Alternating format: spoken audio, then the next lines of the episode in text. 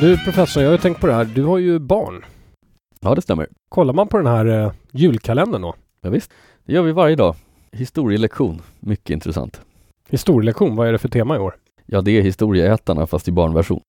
Ja, så de sitter och blir fulla på ett värdshus, massa tioåringar eller? Ja, det är faktiskt så att i ett av eh, de luckorna som var häromdagen så serverade de barnen öl. Men det kan ju inte vara bra. Ja, det sa jag också. Så numera så hänvisar min son till att han också vill dricka öl. Barnöl som de får på julkalendern. Ja, ja. Se där ja. Se där ja. Men du, vi ska ha ett litet eget eh, firande idag. Lucka nummer 17. Just det. Och där har jag med mig en överraskning till dig. Ja, det brukar ju falla väl ut. Får man gissa att den kostar under 250 kronor? Nej, det gör den inte kan jag säga. Den Det gör här den är inte. Faktiskt, den här är faktiskt eh, förhållandevis dyr i alla fall. Ja, men nu blir jag ny. Ge mig paketet. Varsågod. Tack. Ja, nå, nå, han har ju en standardflaska den här rackaren. Ja, toppen på den. Ja, det ger ju inte iväg så himla... Aha, men vad är det här för någonting nu man ser i ramen runt etiketten? Det är en Amrut.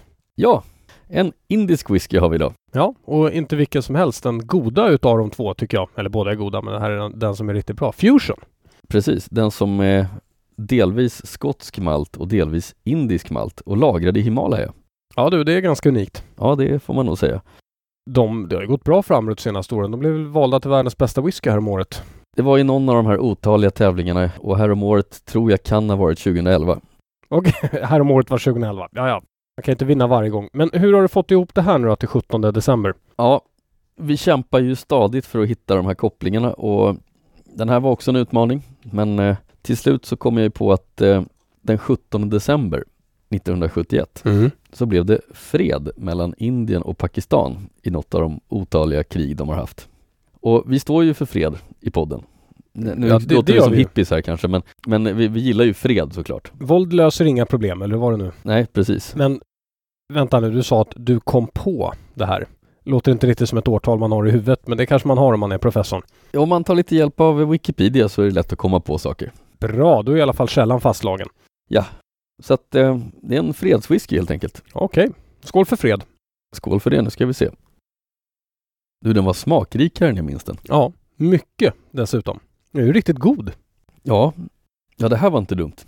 Den har ju, och du märker att den har lite, kanske bara är någonting man får för sig, men att den har lite orientaliska toner. Ja, det känns så. Lite daddlar. Mm. Och sen någon liten sån här oklar rökelseton, tycker jag. Inte rök, utan rökelse. Det var trevligt. Mm, Du, varför har du en röd prick i pannan? Va?